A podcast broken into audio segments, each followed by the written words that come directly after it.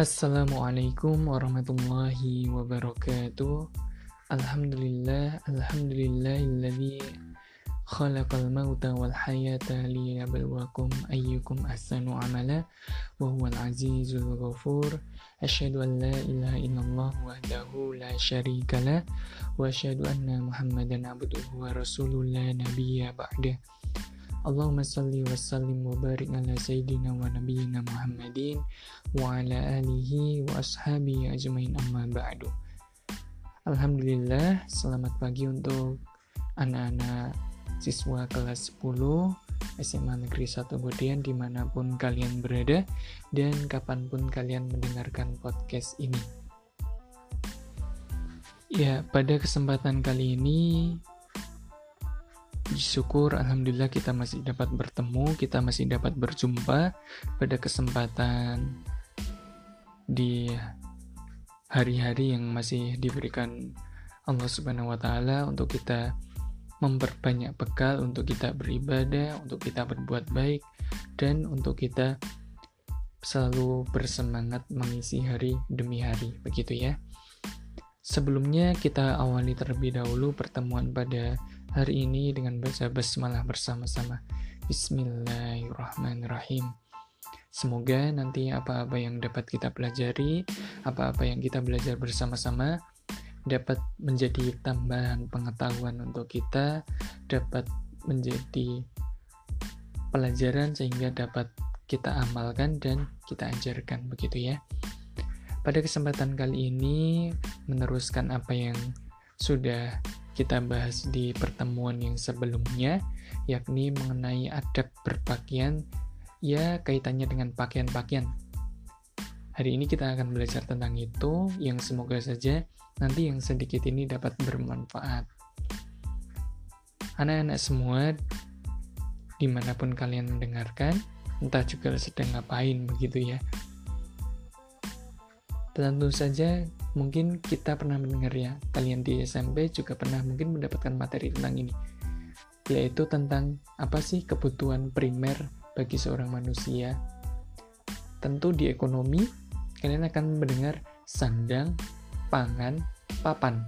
Sandang yang kaitannya dengan pakaian, pakan ya kebutuhan kita makan begitu ya, dan juga minum, dan juga papan kaitannya dengan rumah atau tempat tinggal kita yang dari kesemua hal itu, tiga hal itu memiliki fungsi masing-masing gitu ya.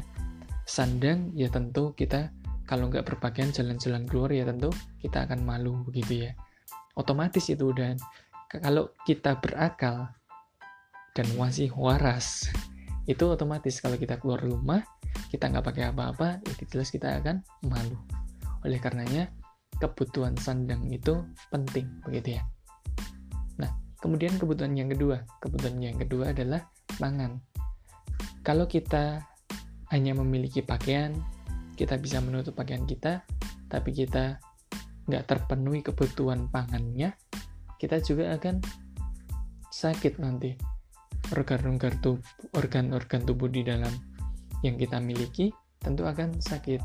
Lambung contohnya, dan lain sebagainya. Kita lemas untuk bergerak, dan lain-lain. Kemudian yang ketiga adalah kebutuhan papan atau rumah tempat kita berlindung dari hujan dan panas gitu ya. Ketiga hal ini saling melengkapi dan merupakan kebutuhan yang memang kebutuhan dasar bagi setiap manusia begitu ya termasuk saya sendiri dan juga kalian. Nah, kita kembali lagi kepada yang pakaian ya.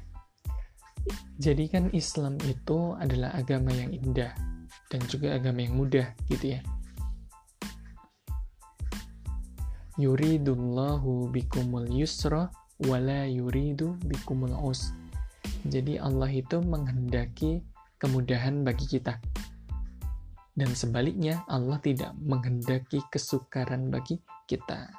Nah, dalam hal berpakaian Allah Subhanahu wa taala sudah mengatur ketentuan antara yang laki-laki dan juga yang perempuan. Yang perempuan, aurat yang mesti ditutupi itu ada ketentuannya masing-masing. Begitupun dengan laki-laki. Tapi sebelumnya, Pak, apa sih aurat itu?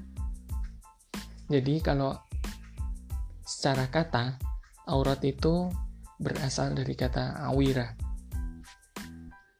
atau awiro ya. Yang artinya adalah hilang perasaan. Maksudnya hilang perasaan apa pak? Jadi kaitannya dengan malu aib ataupun buruk kalau hilang, hilang perasaan itu. Jadi supaya tidak malu hilang atau buruk atau aibnya tertampakkan makanya perlu ditutupi. Nah aurat itu bagi perempuan adalah seluruh tubuh kecuali muka dan telapak tangan. Nah, Pak, bagaimana dengan punggung tangan? Punggung tangan itu masih termasuk bagian telapak tangan gitu ya, sehingga tidak perlu untuk ditutupi.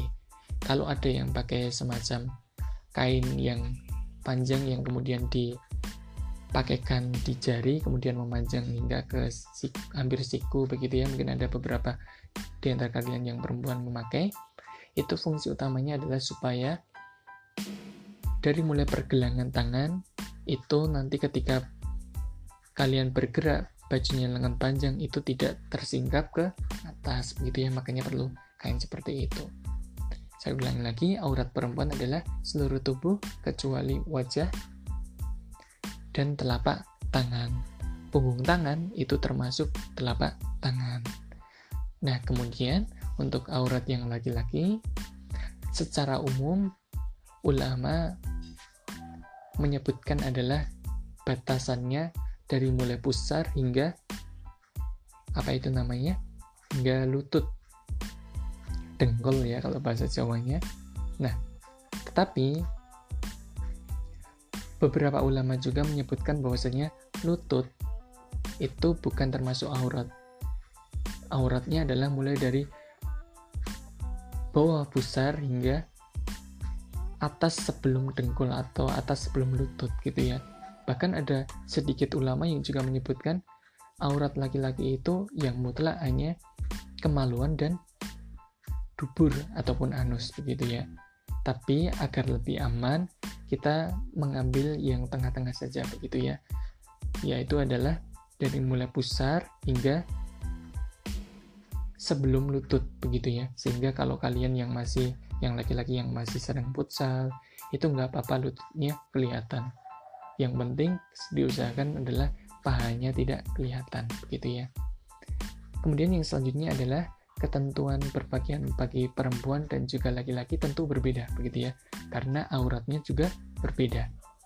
Untuk laki-laki yang pertama adalah tidak menyerupai perempuan. Nah buat laki-laki yang kalian masih sering pakai jilbab gitu hindari ya. Nah kemudian adalah tidak diperbolehkan memakai pakaian yang terbuat dari bahan sutra. Entah itu dibikin kaos entah itu dibikin batik tetap nggak boleh begitu ya. Dan tidak diperkenankan memakai emas gitu ya. Walaupun secara kesehatan sudah ditemukan emas memang tidak baik dipakai laki-laki tapi kita yang mestinya yakin adalah Allah menurunkan suatu perintah, Allah menurunkan suatu ketentuan, jelas ada hikmah di baliknya. Entah hikmah itu bisa disingkapkan oleh akal manusia atau tidak, itu tetap wajib untuk kita ikuti, begitu ya.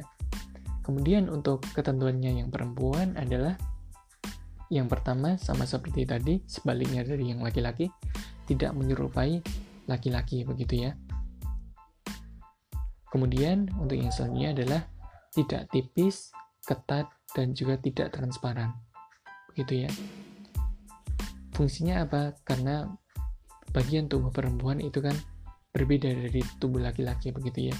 Sehingga ada bagian yang memang perlu untuk ditutupi dengan pakaian yang lebih tebal, pakaian yang lebih tidak terawang begitu ya. Kemudian tidak bermewah-mewahan ini untuk yang laki-laki ataupun yang juga perempuan sama ya. Kemudian yang selanjutnya juga adalah menutup seluruh tubuh kecuali muka ataupun wajah dan juga telapak tangan. dan juga kalau untuk yang laki-laki berarti menutup dari mulai pusar hingga ke lutut begitu ya atau seminimal-minimalnya adalah sampai menutup paha gitu ya Pak berarti kalau kita sholat untuk yang laki-laki ya kita pakai sarung menutup dari mulai pusar sampai lutut ataupun sampai menutup paha boleh nggak pak? Boleh-boleh saja sebenarnya sholat seperti itu. Namun karena kita sudah menem kita sudah menemui zaman yang mana ditemukan pakaian, tentu saja adab yang terbaik ketika sholat adalah ya kita tutup tubuh bagian atas kita, begitu ya. Pak, kalau sekolah juga bagaimana? Kan sudah menutup aurat, begitu ya. Ya, memang sudah menutup aurat, tapi kan sekolah punya tata tertibnya sendiri, begitu ya. Ini yakni menggunakan seragam. Nah, dari situ, dari aurat laki-laki dan juga perempuan, dari ketentuan berpakaian untuk laki-laki dan juga perempuan, kita bisa mengambil satu garis lurus, yaitu adalah bahwasanya Allah menurunkan ketentuan berpakaian tidak lain dan tidak bukan adalah untuk kebaikan kita sendiri. Begitu ya. Karena memang dari kita berpakaian itu menunjukkan bagaimana kita dipandang orang lain, gitu ya. Kalau kita berpakaian secara sembarangan, ya orang lain akan menilai kita seperti itu juga. Namun kalau kita berpakaian dengan penuh menjunjung martabat, penuh menjunjung kehormatan kita sendiri, ya orang lain akan memandang seperti itu. Allah Subhanahu wa taala itu juga mengingatkan kepada kita salah satunya adalah di dalam surat Al-Ahzab ayat ke-59 walaupun di ayat ini lebih ditujukan kepada untuk yang perempuan tapi nilai-nilai yang dapat kita poin kita ambil poin-poin yang dapat kita ambil hikmahnya bisa kita ambil baik yang laki-laki maupun yang perempuan. A'udzu billahi minasyaitonir rajim. Bismillahirrahmanirrahim. Ya ayuhan nabiyyu. Wahai nabi, qul li azwajika katakanlah kepada istrimu wa banatika anak-anak perempuanmu wanisa il mu'minin dan istri orang-orang mukmin yudanina alaihinna min jalalihin hendaklah mereka menutupkan jilbabnya ke seluruh tubuh mereka. Dzalika adna ayyurafna fala yu'dain agar supaya yang demikian itu mereka lebih mudah untuk dikenali dan mereka tidak diganggu wa kanallahu ghafurur rahim dan Allah maha pengampun lagi maha penyayang jadi melalui ayat ini walaupun di, di dalamnya ada memang anjuran untuk perempuan untuk menjulurkan pakaian ke seluruh tubuh agar supaya mereka mudah dikenali dan juga tidak diganggu. Tapi dari sini juga yang laki-laki juga bisa mengambil kesimpulan bahwasanya kenapa kok perempuan perlu dijulurkan ke seluruh tubuh? Kecuali kalau kita kaitkan dengan ketentuan tadi kecuali muka dan juga telapak tangan adalah untuk menutup aurat. Begitupun yang laki-laki berarti harus menjulurkan pakaian. Yang pakaian itu menutup aurat dari yang laki-laki, begitu ya. Kemudian poin penting dari pakaian sebenarnya bukan hanya apa yang kita pakai, tapi apa yang kita pakai itu dapat mencerminkan kita, begitu ya. Karena Allah Subhanahu wa taala juga mengingatkan kita di dalam surat Al-A'raf ayat 26 Wahai anak Adam, sesungguhnya kami telah menurunkan kepada kalian pakaian untuk menutupi aurat kalian. Kemudian dan pakaian indah untuk perhiasan. Jadi pakaian itu fungsi utamanya adalah menutupi aurat kita dan sebagai perhiasan untuk kita, gitu ya. Kemudian walibasut taqwa dzalika khair. Dzalika min ayatillahi la'allahum yadhakkarun. Dan pakaian takwa itulah pakaian yang terbaik. Dzalika min ayatillah yang demikian itu adalah sebagian dari ayat-ayat tanda-tanda kebesaran Allah la'allahum yadakkarun supaya kamu semua mengingat atau supaya kalian semua mengingat Allah Subhanahu wa taala. Jadi dari ayat tersebut kita menjadi tahu fungsi utama dari berpakaian adalah menutup aurat, kemudian fungsi keduanya adalah perhiasan untuk kita. Nah, kalau ada yang laki-laki ataupun kalau ada yang perempuan di sekitar kita belum menutup aurat sebagaimana mestinya, kita tidak boleh mencelanya, begitu ya. Kita tidak boleh mencelanya, baik itu laki-laki ataupun perempuan. Pak, saya punya teman, dia malah bangga ataupun dia malah suka keluar rumah tidak memakai jilbab atau dia hanya memakai celana pendek gitu ya begitupun yang laki-laki pak saya punya teman juga dia masih sering cuma berpakaian sering cuma menggunakan celana doang begitu ya celana pendek yang celana pendeknya bahkan pahanya masih kelihatan begitu ya untuk bagi kalian yang masih punya teman-teman yang seperti itu kalian tidak boleh mencelanya dan kalian juga tidak boleh merasa lebih baik dari mereka begitu ya karena apa? Boleh jadi orang-orang yang demikian itu memang belum memperoleh hidayah dari Allah atau malah orang-orang di sekitarnya belum mengajak dia begitu ya. Yang malah itu malah bisa berbalik kepada kita. Kita sudah mengajak belum sih? Oh kalau kita sudah mengajak ajakannya kita udah dengan lemah lembut atau belum? Atau ajakanlah ajakannya kita malah memaksa gitu ya. Yang malah membuat dia jauh dari ketentuan Allah Subhanahu wa taala. Tentunya yang demikian itu kalau bisa kita hindari. Karena sebaik-baik ajakan adalah ajakan yang lemah lembut. Karena Islam itu bukan memukul tapi merangkul, Islam itu bukan mencaci dan juga memaki tapi menyayangi dan juga menasihati begitu ya. Kemudian yang selanjutnya yang perlu kita poin untuk kita garis bawahi adalah Pak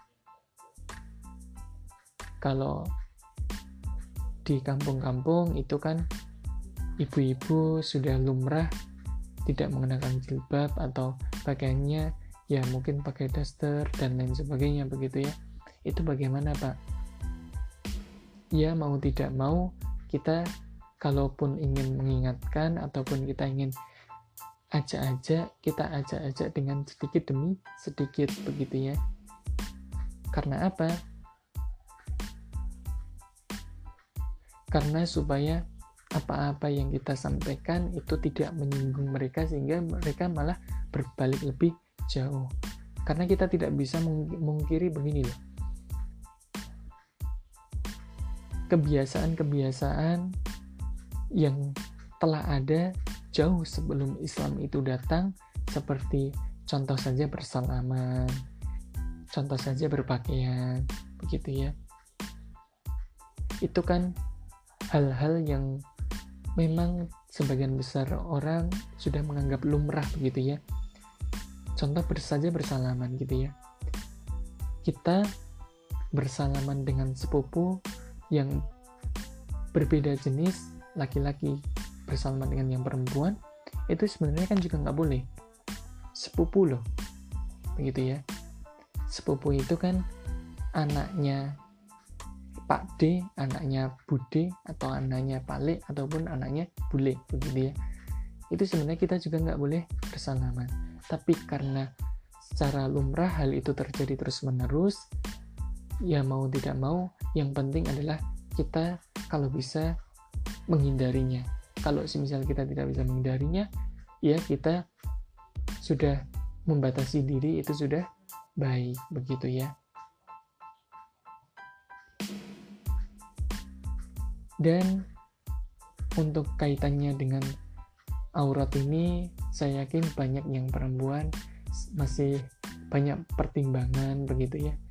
Saya yakin juga mungkin ada segelintir yang belum pakai kerudung ketika keluar rumah dan lain sebagainya, tapi saya selalu percaya kalian akan menemukan titik di mana kalian akan lebih dekat kepada Islam dengan sepenuhnya begitu ya dan saya tidak ingin kalian memandang Islam itu sebagai agama yang penuh dengan kekangan begitu ya. Penuh dengan kekangan. Karena apa? Islam adalah agama yang mudah Islam adalah agama yang indah. Kalau mengambil pelajaran dari Allah mengharamkan khamar itu kan ada step-stepnya begitu ya.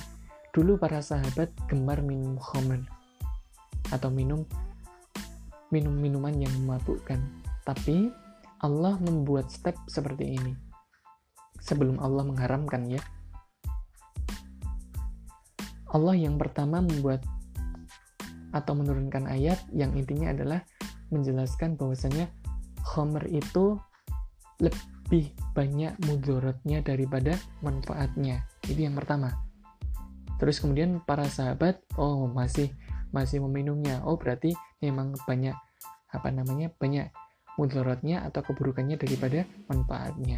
Terus kemudian ayat yang selanjutnya adalah turun ketika kamu akan sholat jangan minum khamar. Karena kalau kita minum khamar efeknya itu akan berlangsung hingga setelahnya. Sehingga dikhawatirkan adalah ketika minum khamar sebelum sholat ketika sholat adalah yang diingat bukan Allah tapi malah yang lainnya.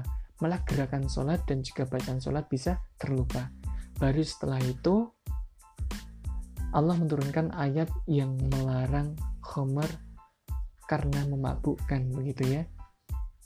Kita bisa ambil pelajaran dari situ.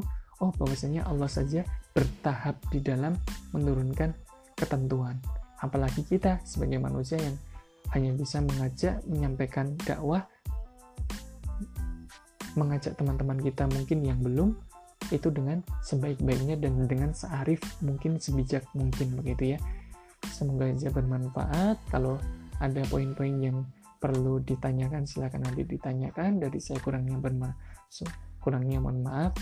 Ada salahnya itu jelas masih ada. Semoga dapat bermanfaat yang sedikit ini. Dari kurangnya mohon maaf. Wassalamualaikum warahmatullahi wabarakatuh